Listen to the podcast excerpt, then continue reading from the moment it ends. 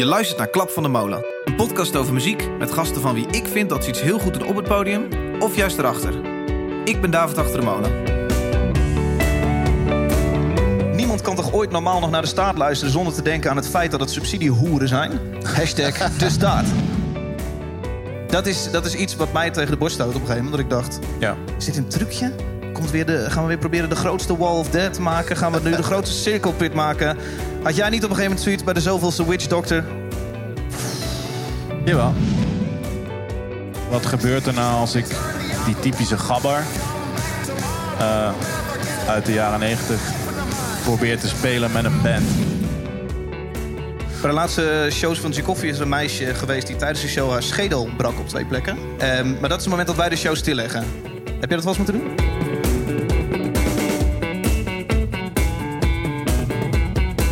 Luisteraar, welkom bij een nieuwe aflevering van Klap van de Molen. Dit is aflevering nummer 75. Ehm, en voor deze aflevering klets ik met iemand die je kent als de frontman, zanger van de band De Staat. Tore Florim, welkom. De start. Normaal ehm, is het alleen jij, de luisteraar, ik, David en dus de gast Torre aan een keukentafel. Alleen nu is het iets drukker rond de keukentafel, want dit is voor de tweede keer ooit een live opname van Klap van de Molen voor publiek. What do you do when you're no longer cool now? No longer the singer of the band. But your face is alright for the radio. Go fishing and drinking and listen to the show. This is the soundtrack for tequila. With the sun on your face in your pickup truck. Grab your moonshine and whiskey and fire up that grill. You're listening to is a from the. Fuck yeah. Alright, live podcast dus, met Torre. Die kun je van van alles kennen, maar grootste kans is dat je hem kent van zijn band De Staat. Nou heb ik een aantal keren gespeeld met De Staat, eh, waaronder een aantal keren in het buitenland, waar De Staat net zoals John Coffey actief was. Ik eh, speelde een aantal jaar geleden met John Coffey in Duitsland, in München. Op een bepaalde avond kwamen wij puur bij toeval samen te spelen op hetzelfde podium in een klein concertzaaltje in München. In een club die heette de Backstage Club. Daar vroeg ik mij die avond het volgende af. En wij zijn al best wel luidruchtig. En jullie waren wat integerder bezig met jullie soundcheck. De voorbereiding daar naartoe. en ik weet nog dat ik toen dacht... De, de staat bestaat al tien jaar. Zou die nog leuk vinden? Is, het nog leuk? vraag. Ja, ik vind het nog wel leuk, ja. Nog wel. Ik, eh, ja, dat is wel een goede vraag. Want ik, ik denk er soms wel eens over na van... ehm, ik doe dit best wel lang, inderdaad. Tien Ja. jaar nu. Eh, ja, misschien wel bijna elf. En, ehm, maar het toffe is, denk ik... Het kan natuurlijk heel snel een soort cirkeltje worden. Een visueuze cirkel. Ehm, maar het, het mooie is, denk ik, dat er bij ons heel veel groei in zit en heel veel andere dingen gebeuren. Ehm, we gaan steeds meer in het buitenland spelen. We kunnen opeens mee op tour met Muse. Eh, eh, er zijn allemaal van die mijlpalen die je nog kan. Eh, die we nog tegenkomen als band. Dus daar, dat blijven heel, veel uitdagingen. En we krijgen ook steeds meer mogelijkheden om grotere producties te maken. Dus het wordt opeens wat meer we hebben laatst een tour, we hebben laatst de staat in de round gedaan. Dan spelen we in een cirkelopstelling in Nijmegen. We hebben vier shows kunnen doen. Elke show waren er 2000 mensen. Dus dat, dus dat was een waanzinnige uitdaging. En, eh, en dat, zoiets hebben we nog nooit gedaan. Dus dat was heel cool. Want we konden, het was bijna een soort musical. Ja. Je kon heel erg nadenken over de productie en zo. En, eh, en over hoe je dat doet met een rond podium. Dat het podium gaat ronddraaien. Wat doen we met licht? Hoe doe je dat goed? Eh, wat kunnen we allemaal doen? Hoe, hoe- wat voor een tent komt er te staan? Et cetera. Dus eh, je, je gaat opeens nadenken over veel meer dan alleen ehm, het podium in een, in een jongerencentrum. Zeg maar. het, het kan, het, als je tijd op in dezelfde scene blijft, op hetzelfde niveau blijft, is helemaal niks mis mee. Ja. Maar het kan mij voorstellen dat ik het dan sneller saai ga vinden. Ik, ik weet niet hoe dat, of dat een van de redenen is dat jullie uiteindelijk gestopt zijn. Maar, want jullie hebben ook al tijd gespeeld natuurlijk. Nou, ik vraag het niet voor niks. Wij hebben natuurlijk de tien jaar, of tenminste in, in de laatste formatie, niet gehaald. Omdat Ja. wij besloten er een stekker uit te trekken na zes jaar. Eh, en ik vraag me heel vaak inderdaad af... hoe hou je het in godsnaam interessant? Ehm, ik heb het even op Twitter gezet dat ik met jou ging kletsen, eh, dit gesprek ging hebben. En iemand vroeg daar precies na. Ehm, Willem Vernooy zegt... hoe ervaart hij dat hij telkens weer opnieuw de show moet uitvoeren? Het lijkt me lastig om niet verveeld te raken als je telkens dezelfde trucs moest herhalen. Moet herhalen. Dat, is, dat is iets wat mij tegen de borst stoot op een gegeven moment. Dat ik dacht, Ja. is dit een trucje? Komt weer de, gaan we weer proberen de grootste Wall of Death te maken? Gaan we nu de grootste cirkelpit maken? Had jij niet op een gegeven moment zoiets bij de zoveelste Witch Doctor? Een paar jaar terug zag je overal filmpjes opduiken van grote groepen mensen die op festivals live om een zanger heen stonden te hossen. Ehm, het werd een live fenomeen rond het nummer Witch Doctor van de staat. In de videoclip van het nummer zie je Thor in het midden van een ruimte staan waar geanimeerde mannen met ontbloot bovenlichaam om hem heen dansen. Ehm, wat ze ook live deden. Dan ging Thor namelijk tijdens het nummer eh, in het publiek staan en werd deze clip soort van nagebootst. ehm, wat naarmate het jaar vorderde steeds grotere cirkelpits opleverde. Heel gaaf om te zien, maar tegelijkertijd dacht ik dat het gebeuren voor de band steeds meer als een soort trucje zou kunnen gaan voelen. Iets wat mij met Jokoffie namelijk soms tegen kon gaan staan. Aangezien de staat vernieuwing best wel hoog in het vaandel lijkt te hebben, vraag ik me af of Toren wel eens zo'n sleur voelt. Jawel. En wat doe je dan? Dat, dat is ook precies de reden dat, dat ik op een gegeven moment niet meer in, in het publiek ging staan. Eh, dat hebben, we, hebben, we hebben dat denk ik een heel festivalseizoen gedaan. En de AFAS? Precies. En eh, er zat, eh, het leuke was wel van, ik vond het een heel tof ritueel. Maar het was ook een soort circus eigenlijk bijna. En daar is op zich helemaal niks mis mee natuurlijk. Maar als je altijd denkt van, we zijn een rockband en dit moet spontaan voelen of weet ik veel wat. Ja, het is natuurlijk ook allemaal een beetje onzin. Ja. Dus, eh, want dat is het ook. Vaak heb je een, eh, een vaste setlist of de, de, de denk je van, we gaan heel veel wisselen. Maar uiteindelijk merk je toch dat je een beetje naar een vaste setlist langzaam Ja. begint te gaan.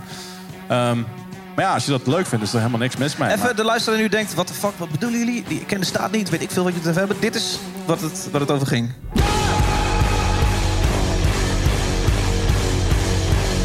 Dit is, ja, niemand ziet dit, maar hier zien we mensen om jou heen hopsen. En hup, hup, hup, hup. Wat doe je dan? Op een gegeven moment zeg je, nee, dit, dit eh, gaat het publiek niet meer in. Dit, dit momentje is voorbij.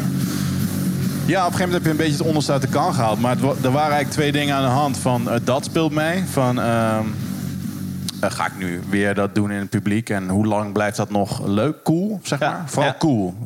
Van, maar het, het werd ook een ding, hoe, hoe groter de podia werden, hoe groter de festivals. Het werd ook een veiligheids security issue. Ja. We, waren echt een, eh, een, een belangrijk onderwerp in de vergaderingen blijkbaar van festivals. Van eh, oké, waarschijnlijk gaat hier het publiek in. Waarschijnlijk gaat iedereen eromheen eh, draaien. Ja. Hoe doen we dit? Wat gebeurt er als er... Herkenbaar. En het is dus nooit misgegaan. Nooit echt mis. Ehm, maar er waren wel momenten dat ik op, vooral op de wat grotere festivals zag je ook eh, ouders met kinderen op hun nek die dan eh, gingen ronden. Ik dacht van ja, wat ben je nou aan het doen, man? Dat, dat- dat is echt gevaarlijk. Ehm, maar het is dus altijd, altijd in principe goed gegaan. Alleen ik merkte wel bijvoorbeeld toen we het op, op Pinkpop deden. eh, ook als je dat, dat kun je zien op YouTube. dan zie je eigenlijk dat het. Ik ben eigenlijk de meest veilige. Ik sta op de beste plek. Is dat het oog van de storm? In het oog van de storm, exact. Ehm, maar de mensen omheen, op een gegeven moment, je kunt niet anders doen dan meedraaien. En, en aan de buitenste ringen tegen de hekken werden mensen tegen de hekken aangedrukt en zo. Ehm, dus je, moet, ja, je kunt het niet overal doen, dat merkte ik ook wel. En, maar toen zat op een gegeven moment het probleem van... eh, ja, iedereen verwacht nu wel dat ik het ga doen. En als je het dan niet doet, ben je opeens zo'n lul. Oh, bij ons wilde die niet... eh, Bij de laatste shows van Zikoffie is er een meisje geweest die tijdens de show haar schedel brak op twee plekken. Wow. Dat is vrij kut, die heb je Ja. hard nodig. Ik durf er een grapje over te maken omdat ik weet dat het goed is gekomen. Ehm, maar dat is het moment dat wij de show stilleggen. Eh, we zien namelijk iets gebeuren en we denken al, spannend. Heb je dat wel eens moeten doen? Eh, ik heb wel vaker shows stilgelegd, maar eigenlijk nooit omdat er iets op die manier misging, volgens mij. Maar het is wel vaak gebeurd. Waarom heb je wel shows stilgelegd? eh, was een keer een gevecht. Dat weet ik nog goed. Het was ook de eerste keer dat, dat het gebeurde, maar dat was eigenlijk wel heel cool. Want als, er, als, er, als je ziet dat er wordt gevochten. En dan, dan je stopt dan midden in een nummer, zeg stop, stop, stop, stop, stop. En dan, en dan wijs je naar dat gevecht. En dan kijkt iedereen naar die twee mensen die aan het vechten zijn. En dan is er van, oh. En wat zei je? Wat zei je tegen de, de, de, de twee heren? Ik, ik ga er zomaar vanuit dat het heren zijn, maar...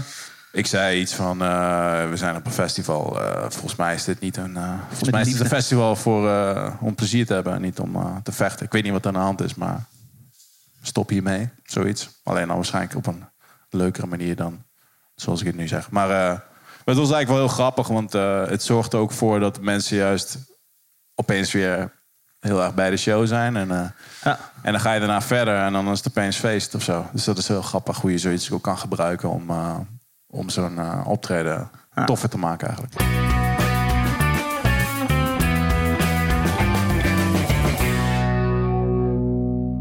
Rond diezelfde zomer ontving de staat een subsidie van 1 miljoen euro voor de komende vier jaar. Ehm er kwam nogal wat ophef over in de media.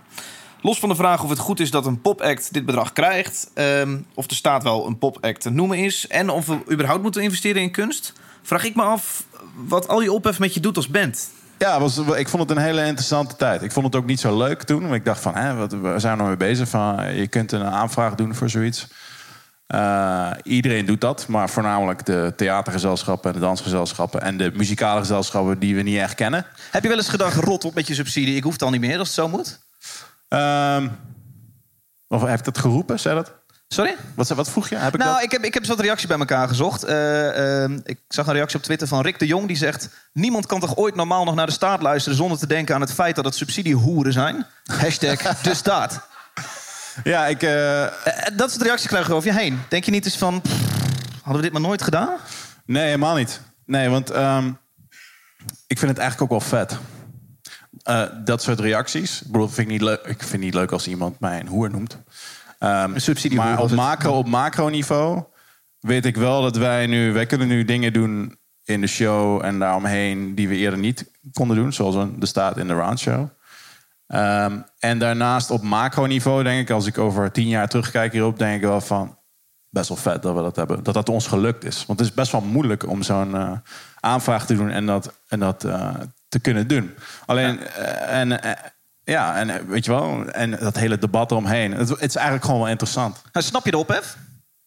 Ehm, ik snap de ophef in de zin van. ehm, dat ik, ik heb het gevoel dat. Dat mensen, het niet zo, dat, dat mensen het niet zo begrijpen. Dat begrijp ik wel. Ehm, gewoon dat ze, dat, ze niet, dat ze niet helemaal snappen hoe dat werkt. En ze denken natuurlijk al helemaal als je zegt van 1 miljoen. Dan klinkt dat alsof, alsof wij 1 miljoen krijgen en het in onze zak stoppen. Alsjeblieft. Doei. Ehm, maar ja, mensen weten niet hoe, eh, hoeveel het kost om producties te doen. En ze weten niet waar dat geld naartoe gaat. Even, jullie hebben een, eh, en dat centraal... het eigenlijk gaat, eh, ja, maar dat het ook eigenlijk gaat over. Eigenlijk komt het neer op een paar duizend euro extra die je kan besteden per show. Daar is het eigenlijk op gebaseerd. En dan kom je, en voor je het weet, zit je op de 900 zoveel duizend euro in vier jaar. Dus, eh, maar ja, dat- dat gaat allemaal naar eh, crew en naar eh ledschermen, et cetera. Centraal in jullie aanvraag stond een andere ongebruikelijke positie binnen de popmuziek innemen als band. Met creativiteit als middelpunt en uitgangspunt. Wat? Nog een keer. Ja, dat is, dat is jouw aanvraag. een andere ongebruikelijke positie binnen de popmuziek in te nemen als band. Met creativiteit als middelpunt en uitgangspunt. Dus eh, Ja, te toch? interpreteren op een aantal manieren. Hoe is praktisch tot nu toe met deze subsidie omgegaan? Het klinkt een beetje alsof ik hier de controlerende klootzak ben. maar- Jesus. Ehm, eh, hoe, daar, wat, hoe dat Wat, is? zijn jullie praktisch met het geld aan het doen? Ehm, nou, de staat in the round is een heel goed voorbeeld daarvan. Waar we een grote productie hebben neergezet. Eh, van vier dagen. En, eh, en verder gebruiken we dat geld heel erg vooral ook in het buitenland. Om eh, iets groter op een festival te kunnen spelen. Dus waar je normaal het budget niet hebt om een, op een, om een VJ's mee te nemen en een ledscherm. Ja. En extra uit te pakken met licht. Aha. Kun je dat nu wel doen. Dus het is eigenlijk, je kunt heel erg veel makkelijker investeren. Dus als je, wat veel mensen misschien niet weten, maar zoals je als redelijk nieuwe band op een groot festival staat in het buitenland, dan lijkt dat alsof je daar een, eh, een hele hoge gage voor krijgt, omdat het een groot festival is. Maar dat is vaak helemaal niet zo. Ehm, omdat, je, omdat dat festival het voor heeft dat ze ook jou een dienst bewijzen door jou daar te programmeren. Dus als je nog niet zo bekend bent, dan in het buitenland, dan is dat vooral heel veel investeren. En, eh, en, en, en, en die subsidie zorgt ervoor dat we dat eh, eh, veel makkelijker dat soort keuzes kunnen maken. Betekent dat nou als ik ooit met John Coffee weer in de backstage club in München kom, dat ik jou daar de staat daar niet meer tegenkom? Is dat nu een plek die jullie over kunnen slaan in jullie groeiproces in het buitenland? Ehm, ja, maar ik weet niet of we dat zouden doen. Het is niet zo dat we nu alleen nog maar grote podia doen daardoor. We spelen nog steeds alle kleine clubs eh, eh, door Europa heen. Alleen die worden langzamerhand steeds groter. En het wordt makkelijker om eh, daarin te investeren. En ik, ik kan het iedereen wat dat betreft aanbevelen. Nou, Alright, kwartier onderweg. Bij de millennials die luisteren hangt de spanningsboog op half zeven. Even een kleine pauze. is alledaagse waanzin. Laten we gaan door. Shit is vuur, als Deo ben je een aansteker. Jij maakt grappen, ik ben alleen de aangever. Wij zetten stappen waar de meeste chappies staan bleven. Ik kan niet tegen kaders, ben liever baanbrekend. ART en stikkend gek. Het is aan als je die ziet als de letters op mijn fitted cap. We houden het heet als thermos. We houden het heet als een theemuts. Ik ben half honderd, als 50 euro. Ik zet je stad in de fik, Geen opgezwollen shit, wel in mijn eigen wereld. Ik weet dat ik mensen raak, het spijt me zeer dan ik zweer het. Ik geef alleen maar zieke shit, diarree. Strijk tegen haren in als een diadeem. Of rij mee op mijn golf, zoals mijn oude auto. Om door een ringetje te halen als het Audi-logo. Alles fris, alles vers, witte sneak, witte tee. Fakkel in mijn hand is een statue of liberty. Einde millennial pauze. Je hoorde de nieuwe Stix en ART. Alright, door met Toren. Een shitload aan Twittervragen doorgekregen, onder andere over de basis. Het oude gebouw van het Nijmeegse poppodium Don Roosje... wat na de verhuizing van Don Roosje een broedplaats moet gaan worden voor creatievelingen. Eh, Tim Arets vroeg op Twitter waarom moet de basis er komen en wat willen ze ermee doen? Ehm, mijzelf doet dit verhaal altijd een beetje denken aan Kitopia in Utrecht. Lijkt er een beetje op, ja. Het thuishonk van Kiteman. Ja, we zijn nu ehm, met een grote groep eh, mensen aan het proberen om het oude pand van Doornroosje eh, eigenlijk te gaan renoveren en te gaan eh, ombouwen tot een, we noemen het een muzikaal ecosysteem. Dus ehm, als je de term broedplaats zo zat dat je nu maar dit ervan gemaakt hebt. ja, nee, we noemen het ook broedplaats hoor. Maar muzikaal ecosysteem vind ik eigenlijk een betere term daarvoor, omdat we ehm, we willen ervoor zorgen dat daar eh, veel artiesten kunnen werken op, op hoog niveau.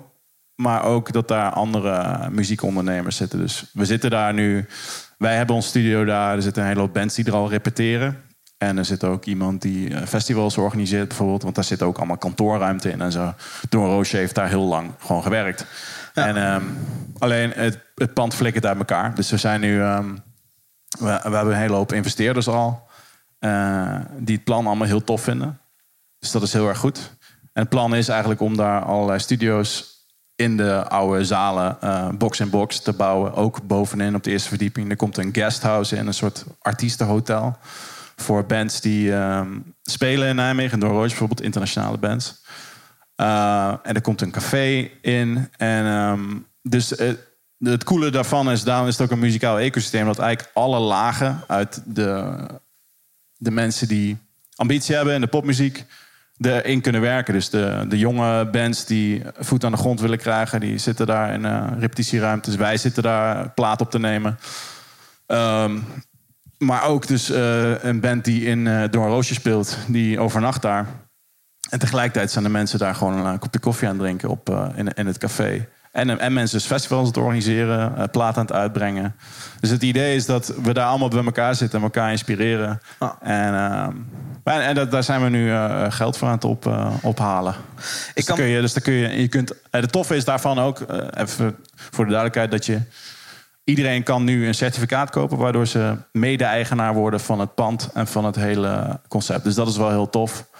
Ehm, het is zelfs zo dat als straks het bedrijf loopt en de huur eh, komt binnen, is, wij betalen ook huur. Iedereen die daar werkt betaalt gewoon huur. En als het goed loopt en er worden evenementen georganiseerd, zo, dan, dan gaat, loopt het bedrijf weer goed en dan krijg je ook je investering terug. Dus het is niet crowdfunding, veel mensen noemen dat zo. Het is niet echt crowdfunding, want het is gewoon een investering. Wat doet, eh, ik kan me zo voorstellen dat er nu iemand luistert naar deze podcast die in, uit Nijmegen komt, muziek maakt. En die denkt, ik wil hierbij horen. Dit, dit, is, dit is wat mij die volgende stap op gaat leveren. Wat Ja. moet je dan doen? Dan moet je even naar de site gaan, debasisnijmegen.nl. Is het, is het zo simpel? Kan een band zich inschrijven en een ruimte daar krijgen? Eh, nou ja, je moet wel. Je, je- als je in een coverband zit, dan is het niet de plek voor jou. De Dirty Daddies, Memphis Maniacs mogen niet in de basis. Nee, ja, ook al is dat misschien nog een interessant eh, grensgebied. Maar we hebben wel een beetje in gekozen van... ehm, we willen hier mensen hebben zitten die in ieder geval de ambitie hebben... om hun werk ervan te maken. Dus misschien is zo'n soort coverband nog wel boeiend... omdat ze natuurlijk ook iets heel erg eh, een eigen ding mee doen. Ehm, maar dus artiesten en hi- hip-hop artiesten, producers, whatever, mixing engineers, die kunnen er allemaal terecht. Maar het belangrijke is dat ze ehm, daar fulltime mee bezig willen zijn eigenlijk. En heel veel ambitie in hebben. Dus daar, daar proberen we een beetje een, een scheiding in te maken. Zodat je, want er zijn heel veel mensen geïnteresseerd natuurlijk. Eh, maar Hoeveel je- aanmeldingen zijn er al eh, bijvoorbeeld? Wat? Hoeveel aan- aanmeldingen zijn er al? Dat weet ik niet precies. Ik, ik, ik, zit, er, ik zit er wel in, maar ik, ik ben niet de kapitein van, de- van dit schip. Oké. Maar er zijn ja, eh, tientallen. Eh, ja, waarschijnlijk nog wel meer dan dat. Ja. Maar het is een heel lang proces, want het, het moet een hele grote verbouwing worden en zo. Dus het is heel boeiend. Maar ik hoop echt dat het lukt. Eh, dus je kunt, je kunt meedoen als je vanuit die site gaat, de basisnijmegen.nl. Ook als je niet in Nijmegen woont trouwens. Heeft de basis al even een belletje gedaan naar Kiteman? Zo van, hoe heb jij dit gedaan? Zeker, zeker. We zijn naar Kaitopia geweest. Ik bedoel, ik ken die, die gasten natuurlijk ook al Mhm. vrij lang. Eh, je hebt in Amsterdam ook Splendor. Dat is ook een heel interessant concept. Ken ik niet. Eh, ja, daar, dat, is, dat is net anders. Maar eh, dat is, daar, zijn er, daar hebben ze iets van 2 tot 3000 leden volgens mij. Die allemaal heel erg van muziek houden. Maar dat is iets meer klassieke, ehm, gekke, ernstige muziek noemen ze dat geloof ik. Dus daar, dus daar, maar daar kunnen dus heel veel, ehm, ja, van trombonisten tot eh, klassieke componisten kunnen daar werken. Eh, en volgens mij ook gratis. Het enige wat ze moeten doen is elk jaar minimaal één concert daar doen voor de leden. En die leden betalen volgens mij allemaal 100 euro per jaar om lid te zijn. En, eh, en die kunnen dus een hele jaar doorstaan. Heel, heel dik programma. Dus dat is best wel interessant. Ja. Laatste Twittervraag. Ja. Eh, ik vond hem heel leuk, want ik was vergeten dit mee te nemen in, mijn, eh, in dit verhaal, deze podcast. Eh, Mike de Deugd zegt: Hoe was de ervaring om meerdere keren voor Muse te openen? En hoe vond Muse dat zelf? En hij zegt erachteraan: En of hij Dead Letters mist. Volgens mij denkt hij namelijk dat jij ook in Dead Letters zit. Death Letters? Ja. Nee, maar Maar goed, een van onze backliners wel. Jordi. En die Ah. heeft ook wel eens met ons meegespeeld. Gewoon als gitarist. Dus Ja, en een split EP eh snap de verwarring. Ja, inderdaad. Precies. Eh, ja, Muse, man. Dat was, dat was denk ik een van de leukste dingen die ik ooit Hoeveel heb gedaan. shows gedaan met Muse? Eh, een stuk of 12 of 14 of zoiets. Mhm. Eh, en dat waren allemaal soort kleine, een beetje basketbalstadionsachtige venues. Dus tussen de, ja, ik weet niet, het zijn waarschijnlijk geen basketbalstadions, maar die grote, dus tussen de 12 en 16.000 mensen elke keer. Cool. En er was dus ook een. Kleine Ziggo Domes elke keer. ja, Ziggo Dome-achtig, ja. En, en het was, was ook een ronde opstelling. Het was de eerste keer dat we daar echt, echt fatsoenlijk mee eh, experimenteerden. Dus we mochten Gedurfd, dan keer... krijg je zulke grote shows en dan ga je dan experimenteren met die opstelling. Nou ja, eh, zij, zij deden dat en wij deden de support Ja, natuurlijk. precies, dus ja. eh, wij mochten ook op dat ronde podium spelen. Dus wij, dat was, ik vond het echt een van de leukste dingen. Omdat je voor een gigantisch publiek staat die geen idee hebben wie jij, wie jij bent. Sommigen wel, maar niet, niet veel. En, en ook nog eens een ronde opstelling deden. En een half uurtje blazen. Ik vind dat echt eh, geweldig. Want Ja. daar, daar ben je niet zo heel erg bezig met een, een spanningsboog van anderhalf uur of twee uur, wat we inmiddels wel doen. Soms. En eh, dus je kunt gewoon een half uur knallen en, en nadenken over hoe de fuck doe je dat eigenlijk in, hal, eh, in, een, in een ronde opstelling. Maar wat is je positie tegenover Muse? Ben je echt het oprotbeentje zo van... eh, hier heb je nog een half uurtje soundcheck als het ons uitkomt? Of kregen jullie echt volledig tijd om te soundchecken? Eh, nee, het was hun show, man. En ehm, ze, hadden, ze hebben zoveel toeters en bellen. Om het even respectloos eh, eh, te noemen. Toeters en bellen. Ze hadden wat drones en zo die door de lucht vlogen. En, dus daar Ja. kan een hoop in Ja, misgaan. de Dus- drones waren de, was de lichtshow onder andere ook, toch? Ja, het waren gewoon een soort opblaasbare ballen die Ja. door de lucht heen vlogen met lampen erin en, al- en alles. Ja, het, was, het sloeg echt helemaal nergens op, maar het was ook wel heel erg vet. Ehm, dus ze hadden heel veel van dat soort dingen en die moesten elke dag weer gecheckt worden en uitgemeten en gekalibreerd. Dus het kon. eh het de eerste show die wij deden, hadden wij drie minuten soundcheck, denk ik. Eh, dus dat, dus dat was ja, vlak voor de zaal open gingen de spullen erop en ehm, oortjes in. Van kwam alles binnen? Ja, oké. Dat was het. Eh, maar ik, ik hou er wel van. Al helemaal als ik weet van, ah, speel je een half uur. Dit hebben we vaker gedaan. Ja. We redden het wel. We hadden ook gewoon precies de goede hoeveelheid ervaring ervoor... om dat een beetje te, te rocken. Wat vond Muse van jullie? Wat zei? Wat vond Muse? Wat vonden ze van jullie? Eh, ze vonden het heel tof. Ik heb ze dus... Het grappige is als het zo'n grote show is... Ik weet niet, heb jij wel eens support gedaan voor zo'n grote... Nee, we hebben nooit een hele grote headliner support tour gedaan. Ik, Nou- denk, ik denk altijd van, ik ben er wel blij mee. Ja? Drie minuten soundcheck te voorkomen. En Nou ja, je bent het opwarmetje. ja. En dan kan mijn ego, ja, dan denk ik toch, ah, verdomme. ja? Ja, ja. Oh, ik, ik hou daar heel erg Oké. ja. Nou ja, je ziet grotere zalen dan je ooit zal zien in het buitenland. Tenminste, in die fase. Ja.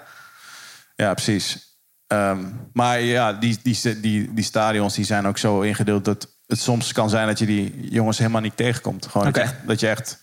Ja, ze hebben een heel erg zo'n eigen kampementje in zo'n stadion. En soms zit je naast elkaar en dan zie je elkaar wel. Dus, ehm, Ja, leek me we- niet de persoon die met knikkende knietjes dan de zanger een hand gaat geven. Volgens mij. Nee, ik, ik, ik weet, ik, zulke grote shows, je moet ook een beetje aanvoelen van dat zij ook waarschijnlijk heel veel spanning hebben.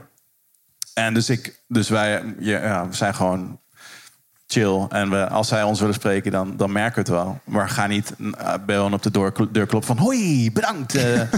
Eh, om, ja, gewoon omdat, omdat zij I'm misschien sorry, net eh, speeldoos, you know ja, that? yoga aan doen zijn of zo, weet ik veel.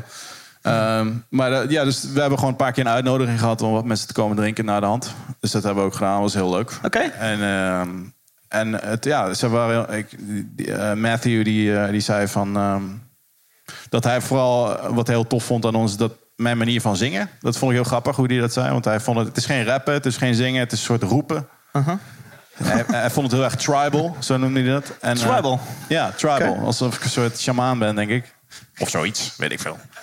Maar, eh, dus dat vond ik heel cool om te horen. Dat is het was niet zo van eh, via... Soms gaat het ook gewoon heel erg via een industrie, weet je wel. Van, er zijn een paar suggesties gedaan van dit kunnen support zijn. Zij doen het wel goed, hier kun je extra tickets mee verkopen, bla bla bla. Dat soort verhalen. Maar dit kwam heel erg vanuit hun. Dat wist ik ook. Ik wist dus, wij wisten totaal niet hoe ze nou bij ons kwamen. Uh, maar die Witch Doctor video was eigenlijk de eerste aanzet. En toen hebben ze blijkbaar heel veel filmpjes van ons zitten kijken met z'n allen. Ja. Ook van eh, onze machine. eh, onze tweede album Machinery hadden we zo'n machine eh, als decor. Een soort eh, analoge drummachine was het eigenlijk.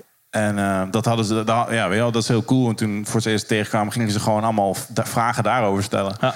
Eh, terwijl ik dacht van, wow, wow, maar ik wil eigenlijk vragen aan jou stellen. Ehm, dus eh, ja, ik vond het een van, de, echt een van de leukste tours die we ooit hebben gedaan. Cool. Ik kan me voorstellen dat de luisteraar van deze podcast nu allemaal vragen heeft die ik vergeet te vragen. Eh, die kan ik vragen, maar jullie wel. Zijn er vragen over Muse, staat, torren, miljoenen? Hey, deze, Ja. hey, deze zo zijn vinger op stuk. Dat is wel vet. Doet hij het? Yes. Ehm, we waren er straks hierboven. En bij Arjo, geloof ik, van La La La Management. Als jullie manager. manager van de staat, ja. precies. Eh, zij gaf aan dat ze jou kende vanuit de opleiding vroeger. Dat zij nog les gegeven heeft. Eh, en dat jij heel veel in eigen beheer hebt geproduceerd. Ehm, Dat eerste album bijvoorbeeld, van de staat. Voordat ze wist dat het überhaupt de staat ging heten, geloof ik. ja. Ehm, met de huidige albums, is dat nog steeds in eigen beheer... of is het eigenlijk allemaal uitbesteed? Eh, het opnameproces dan? Ja, precies. We eigen een- zeg maar, het is niet een eigen beer uitgebracht. Maar Nee, nee, ik, eh, ja, ik heb die eerste plaat heb ik eigenlijk zelf gemaakt in mijn eentje. En de tweede, eh, omdat we toen echt met de band gingen opnemen, ehm, is er eigenlijk een engineer bijgekomen. Maar heb ik het nog wel geproduceerd. Dus Atti Bouw is toen, eh, heeft toen opgenomen en gemixt. En bij de derde heb ik het zelf geproduceerd. Atti Bouw was, geëngineerd, was de engineer weer. En Icon is dat. En er was Vance Powell eh, in Nashville heeft het gemixt. Die heeft ook veel met Jack White gewerkt en zo. Vet. En vanaf de vierde O en vanaf de EP Vintage Versions ben ik het eigenlijk allemaal zelf gaan doen. Dus nu mix ik het ook. Oké, dus nog steeds wel een echt in eigen beheer. Eigenlijk vanaf het begin af aan. Ja, ik kan niet altijd aanraden. Nee. Maar eh, ja, ik, ik ben een beetje een controlfreak. En nu ik het gevoel heb dat ik het ook kan mixen... dan kun je echt je eigen visie erop loslaten. Dat, is, dat vind ik daar heel vet aan. Alleen, ik kan het je niet aanbevelen als je de ervaring niet hebt. Je moet wel een beetje zelfkennis hebben in de zin van... eh, klinkt het wel echt beter als ik het zelf doe. En dat is best wel lastig. Zelfreflectie. Thanks. Jonge man met eh, blonde haren, eh, derde rij. Ik, ben, ik, ik heet Ties. Hey, maar ik vroeg me af, eh, dus als je dan eh, je machine op podium hebt en eh, in de round... en mensen kijken nu naar jullie natuurlijk van wat ga je hierna doen? En is dat niet onwijs druk? Hoe ga je daarmee om? En hoe zorg je dat je toch creatief blijft? Hoe ga je weer verrassen, Torren? Ehm, ja, die, die druk die, eh, die is er wel, maar die, die, komt niet, die komt het meeste vanuit mezelf, denk ik. Niet vanuit het, het publiek, denk ik. Moet ik even over nadenken.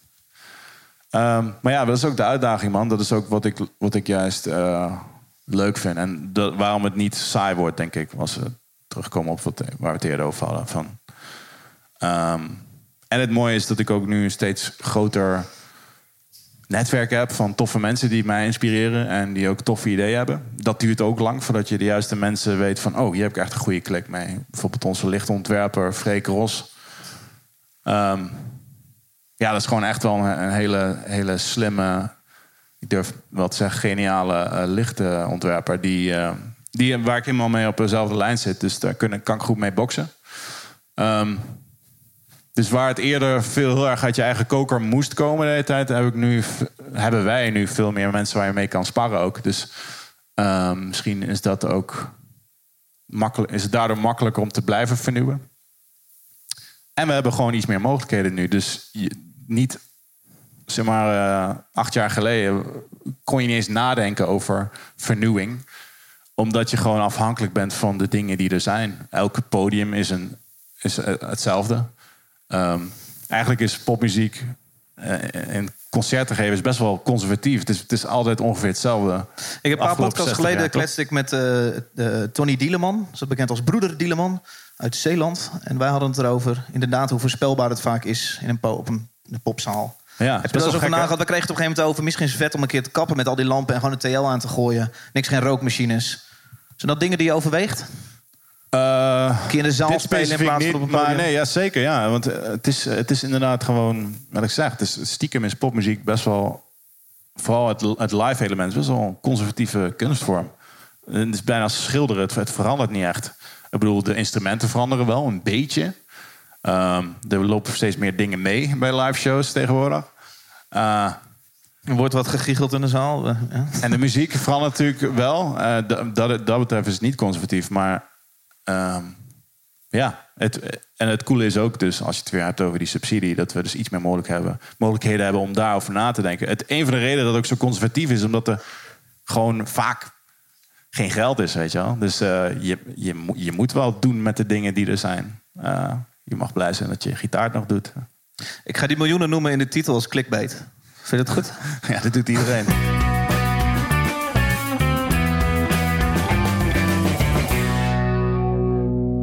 Alright, genoeg over die miljoenen. Ehm, muziek. Ik vind het vaak tof om van andere songwriters te horen hoe zij nummers schrijven.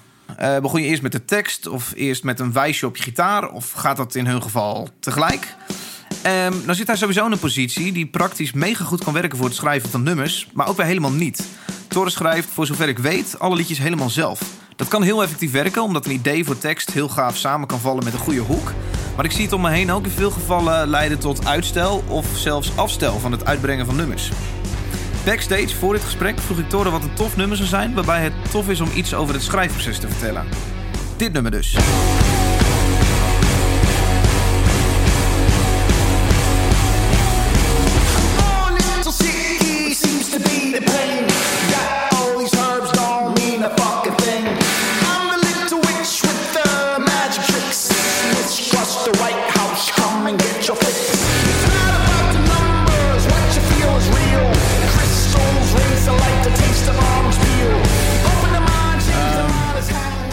Ik begon bij. Ik, vind het altijd wel leuk om eh, een beetje. Ik doe dat niet altijd, maar ik vind het wel leuk om te beginnen bij concept. En over tijd heen heb ik eigenlijk een notitie in mijn telefoon die helemaal vol staat met kleine ideetjes. Dus eh, dat kan zijn eh, iets doen met een Agogo beat uit zo'n Washington DC, Washington DC typische Dat is muziekstroming. dit. Dun, dun, dun, wat we nu horen. Nee, nee, nee. Dat is, dat is even een ander voorbeeld. Ja. Maar, eh, maar, eh, dus ik heb heel veel van dat soort kleine ideetjes. Of iets doen met een sidechain. Of iets doen met eh bla bla bla. En ehm, een van die ideeën was ook van... Wat gebeurt er nou als ik die typische gabber... uit de jaren 90 probeer te spelen met een band. En iets langzamer. Iets langzamer ook, inderdaad. Ehm, wat gebeurt er dan? Dus eh, wat ik eigenlijk gewoon heb gedaan bij dit is heel erg geluisterd naar heel veel, eh, naar gewoon Thunderdome. Verzamelplaat. en ik heb Ja. gewoon geluisterd naar hoe die tracks eigenlijk worden opgebouwd. En eh, dat was vaak met zo'n clap, weet je. En, en die kick die enorm gedistort is. eh, eh, en vaak zo'n vocal die over iets creepies zingt. En vaak heel veel herhaling daarin. En gewoon heel weird eigenlijk. Een hele aparte muziekstroming. Eh, en heel vet. Dus eh, ik heb dat eigenlijk gewoon als blauwdruk gebruikt. Alleen dan met mezelf afgesproken, ik ga niet al die samples erbij halen, maar juist dit spelen met een band. Dus hoe maak je zo'n gabberkick? Eh, dat doe je door met de basgitaar samen met de kick één blok te maken. Dus eigenlijk, ja, wat we doen is gewoon heel erg eh, samen die sounds maken, proberen te maken die in de gabber eh, terugkomen.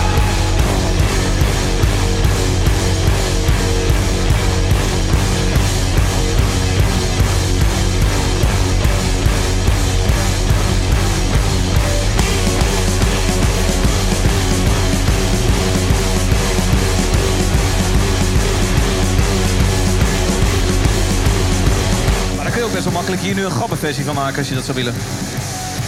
Ja, DJ Paul Elstak, man. Sorry? Die, heeft- die heeft het gedaan. Die heeft hem geremixed. Oh, echt? Ja. Paul Elstak. Ja. ja. Kennen jullie die? Ah, dat is misschien meer Oké, van- blijf even praten, dan eh, ga ik eh, door.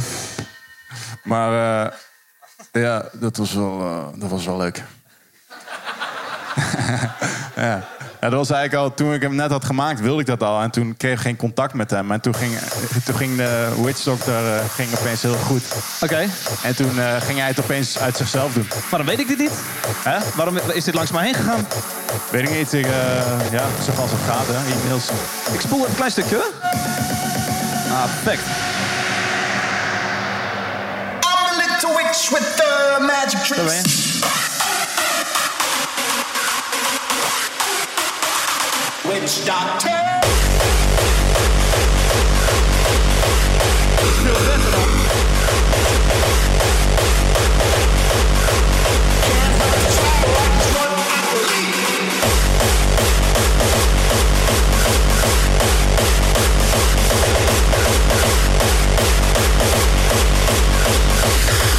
Krijg je hier veel geld voor? Als iemand jouw shit covert? Eh, volgens mij niet. Nee, niet per se. Dat is bij mij nooit gebeurd. Ik vraag me altijd af. Krijg je Nee, nou hier... volgens mij gebeurt er wel wat met rechten, als het goed is. Want het is natuurlijk mijn liedje, die dan geremixed wordt. Dus ik weet niet precies hoe dat werkt. Guus Meeuwis heeft eh, Geef mij nu je angst, ik geef je de ho- Die is van André Hazes. Zeg ik dat goed? Oké. Is dat André Hazes? Nee, dat is, dat is hij. Nee, is zijn broer. Eh, dus ik vroeg me altijd af, inderdaad, krijgt André of zijn vrouw nu dan, of zijn zoon of dochter, daar heel veel geld voor? Maar Ja, dat denk ik. Als, ja, ik weet niet precies hoe het met remixen zit. Dat weet vast iemand hier in de zaal wel, die daar veel verstand van heeft. Maar als je een cover doet, weet ik dat je... Als dat fatsoenlijk wordt aangegeven en op de radio wordt gedraaid... dan krijg je daar gewoon Buma Stemma voor. ja, Eh met een remix zal het vast iets van 50-50 werken of zo. I don't know. oké. Ja. Vraag het aan de man die het als enige zou kunnen weten misschien, maar nee. Ook, ja. Ik, eh, nee, ik weet bij dit niet eh, hoe het zit. Ehm, als laatste ben je als band bevoorrecht dat je heel veel festivals meemaakt. Heel kort, dat dan weer wel.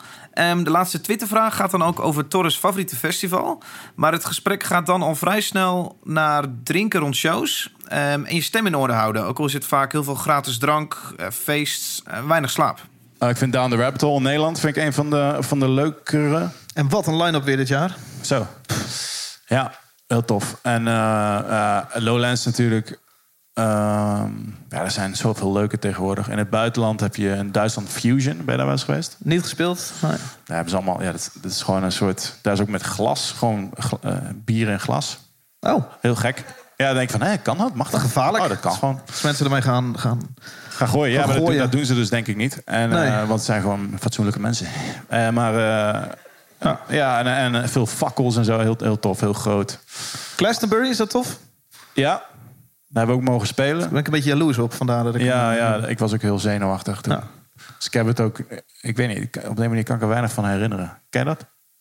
Als, je, als het een hele gespannen En bij mij is dat meestal dat ik al heel veel heb gedronken na de show. Eh, ik, volgens mij drinken Ja. jullie niet zo heel veel na shows. Nee, ik kan niet zoveel drinken, want dan gaat mijn stem eh, naar de kloten. Dan is het de volgende dag ook een beetje klaar. Ja. Ja. En, en, en, en sowieso, eh, het is niet het een beetje moe van en zo. Het werkt niet zo goed. Als je veel wil spelen, dan, ja, ik weet niet, misschien is het bij jou. Rock and roll torren, dames en heren. Ja, ja, goed. Maar dat is toch wel een beetje een fabeltje, of niet? Of eh, waren jullie echt heel, elke dag aan het drinken? Misschien is dat wel het hele probleem geweest.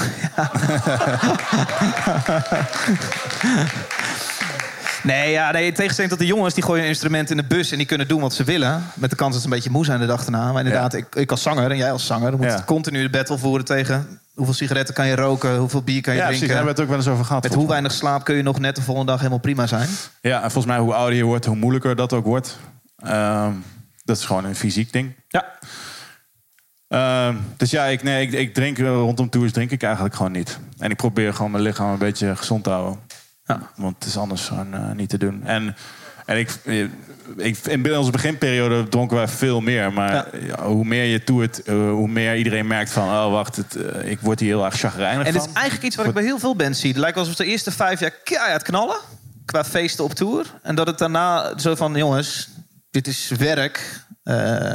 Ik weet dat Kennis het er nooit die beslissing heel, heel bewust moest maken. Dit is werk. Dit, dit gaan we niet volhouden als we dit Ja, ik vind dat, het, dit doen. is werk, vind ik, vind ik niet eens het, het goede argument. Maar in ieder geval, het, het gebeurt te vaak om het een, elke keer een feestje te noemen. Of tenminste, Het wordt er gewoon, eh, voor mij wordt het er gewoon niet leuker van en het wordt er niet beter van. Dus het, daarom, dat is voor mij een reden om het niet echt vaak te, te doen. En ehm, ik heb het idee dat iedereen binnen onze band dat wel... Je krijgt op een gegeven moment gewoon problemen van. Ehm, het, wordt, het wordt er gewoon niet beter van. Dus ehm, uiteindelijk wil ik, als ik over tien jaar hierop terugkijk, of twintig jaar... dat ik denk van, zo, dit was wel echt het beste wat ik, wat ik kon doen op dat moment.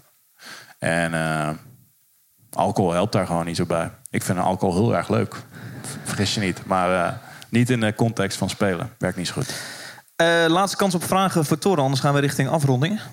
Zijn er nog prangende vragen aan het adres van Toren? Ja. Wacht heel even, er komt de microfoon naar je toe. Het eh, ging net over eh, het in shape houden zeg maar, van, je, van je stem en zo. Lichaam. Ja. Ja. Oh, dat is ook lekker dat ik... ja, typisch. Voor je stemmen zo. Even, jij bent een zanger dat je hiernaar vraagt? Ja. Oké. Ja. Ehm, heb je nog meer dingen die, die, die je echt bewust, zeg maar... Of, of hoe hou je dat dan in shape? Eh, wat bedoel je dan precies qua lichaam? Wat doe je? Heb je eh, rituelen die je daarmee, daarin uitvoert, zeg maar? Ja, ik wel. Ik weet niet. Ik ben benieuwd naar jou ook. Ja, ik ben wel benieuwd naar jouw ritueel. Ik heb een, eh, een opwarmbandje van Melissa Cross. En eigenlijk waar ik ook heen ga, die heb ik altijd... Waar heb ik mijn telefoon? Oh, niet gewoon hier. Eh, die heb ik altijd bij me. Vertel jij eerst even, dan kan ik het even opzoeken. Ik, eh, ik zing ook in. En ik eh, probeer genoeg te slapen. Want dat, maar dat is niet altijd even makkelijk. Maar sinds we met Nightliner kunnen toeren door Europa... is dat makkelijker. Omdat je na de show de bus in gaat, slaapt en je komt, ja, je komt aan. En dan, eerst was het altijd wel, zoals jij ook wel weet, denk ik... als je nog in de, als je in de busjesfase zit... dan kon het zomaar zijn dat je zes, zeven uur per dag moest rijden. Dus dan voor je, ja, je ligt om twee, drie uur in je bed, vaak. En dan moest je ja, om negen uur er weer uit. Ja. Eh, dat kan wel één nachtje, maar als je dat elke nacht moet doen, dan, eh, dan, gaat, dan leidt alles eronder. Je stem ook vooral. Dat is eigenlijk de eerste waar je het aan merkt bijna. Ja. Dus dat is eh, super ideaal als zanger. Ik ben ook best wel jaloers eh, soms op gewoon gitaristen. Ja, ja ik ook. dat ik denk van, ja, je weet niet hoe fucking kut Het slapen is echt het main ding. Als dat niet lukt, dan heb je alleen nog maar een paar labmiddelen. Eh, ik weet, ik heb wel eens een show in Nederland gedaan. Dordrecht, Dordrecht, volgens mij op vrijdagavond. Toen s'nachts naar 3FM. Toen de zaterdag de hele dag gereden om in Oost-Duitsland te spelen. Zaterdagavond in Oost-Duitsland. Eh, volgens de hele nacht doorgereden om zondagochtend een concert in de Ziggo Dome te doen. Op een ijshockey-event. Ehm, dan pak je natuurlijk geen slaap, een heel weekend. Dus de enige die daar echt onder leed, de jongens pepten zichzelf op voor de show. Maar was ik als zanger. Ik stond echt, eh Ziggo Dome. Zo. Zoeken normaal ook wel een beetje klinkt. Eh, maar ik heb normaal dit, dit soort oefeningen. Kia, kia, kia, kia. Starting with this note. Ready? Nou, dit, dit duurt een kwartier. Dit zijn een heleboel oefeningen. Kun je downloaden. Dat is Melissa Cross, heette de zanglerares. En eh, wij zongen allemaal in de band live. En wij deden dit allemaal echt een kwartier namen de tijd om de stem op te warmen. Want het is gewoon een spier. En als je in één keer keihard gaat rennen zonder op te warmen... dan eh, krijg je blessures. En dat is precies hetzelfde met zingen. Dat is gewoon een spier die op moet ja, dat warmen. geldt voor drummers ook eigenlijk. Hè? Anders ben je alleen maar wedstrijden aan het spelen. Maar die praten er het wel over, drummers. Met, over een pijntjes. Ja, ja.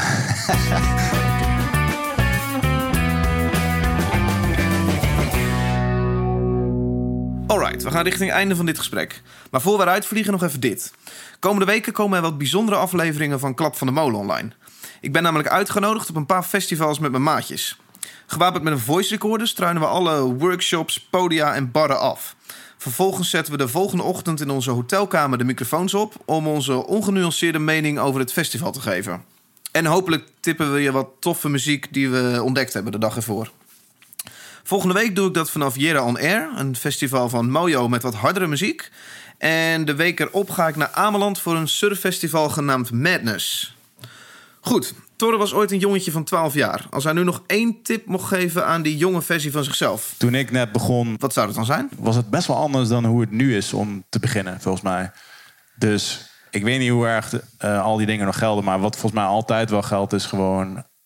Je moet gewoon proberen om zo goed mogelijke muziek te maken. Ik merk, eh, ik merk vaak dat... eh, hoe meer... Hoe professioneler we allemaal worden, ook met alle Herman Brood academies en eh, rock institutes en weet ik het allemaal. Dat alle vragen die ik vaak krijg gaat over business en een goed team hebben en bla bla bla.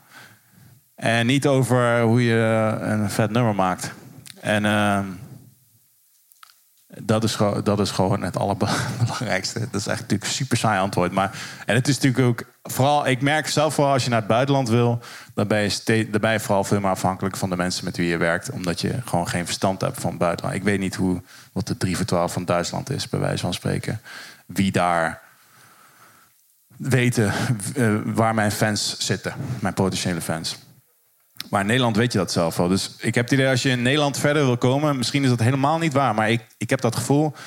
moet je vooral gewoon hele eh, toffe en interessante, opvallende muziek maken... eh, waar je zelf heel blij van wordt. Vooral. En niet, ik zou ook als tip geven... probeer niet te veel te schrijven voor een publiek... maar probeer iets te maken waar je zelf echt super enthousiast van wordt. Anders, voor je het weet, ga je het publiek als opdrachtgever zien... En dan ben je eigenlijk muziek aan het maken voor commercial bijna. En dan word je ook sneller ongelukkig van. Omdat je op een gegeven moment misschien het gevoel hebt dat je het publiek niet meer begrijpt. Of niet meer weet wat ze willen of zoiets. En dan zit je gewoon op het verkeerde pad volgens mij. Dus als je altijd de dingen maakt waar jij denkt van... Wauw, dit, dit vind ik echt vet. Ik weet niet of andere mensen dat ook cool vinden. Maar hier krijg ik echt een lijp gevoel van. En zo probeer ik ook live shows ook te benaderen van... Wat wil ik zien als ik in publiek sta? En wa- wat vind ik spannend?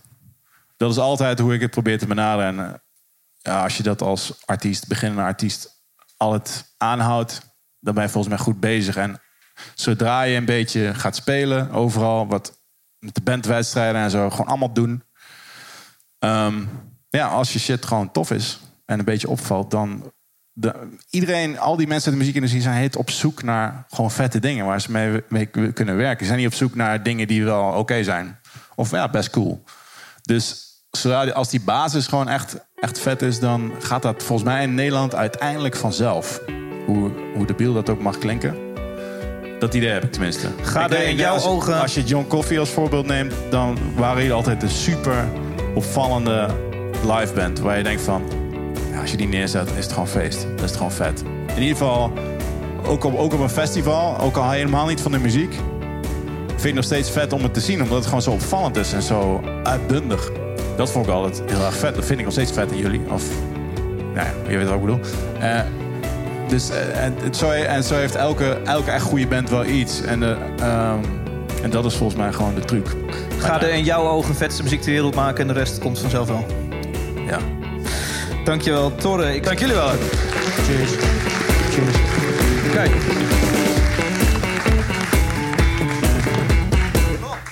Vond je dit nou een leuke aflevering? Laat je vrienden en volgers op social media dan weten dat we bestaan. We worden... Godver... Vond je dit nou een leuke aflevering? Laat je vrienden en volgers op social media dan weten dat we bestaan. Zo worden we groter en kan ik nog meer tijd stoppen in het maken van toffe afleveringen. Je kunt Klap van de Molen ook volgen op Facebook. Hier houd ik je op de hoogte van de nieuwste afleveringen en ontwikkelingen. Hiernaast zit de podcast op Instagram. Ik maak elke week de spannendste Instagram stories met quotes uit een nieuwe podcast om mensen naar de nieuwe aflevering te verleiden. Op Instagram is de podcast te vinden onder de naam Klap van de Molen. Mocht je Twitter meer gebruiken, kun je mij het beste persoonlijk volgen. Onder de naam @davidadmolen post ik over elke nieuwe aflevering. En daar doe ik tevens af en toe een oproep, zodat jij vragen in kan dienen voor een gast. Als laatste helpt het deze podcast een hoop als jij een review achterlaat in jouw podcast-app. Er is voor podcastmakers niks zo leuk als een toffe review lezen over hun harde werk. Er komt een ambulance voorbij, wacht even. Wacht. Wacht. Hij stopt voor mijn huis. Er is voor podcastmakers niks leuker dan een review lezen over een harde wijk. Oké, je snapt het. Ik zie je over twee weken.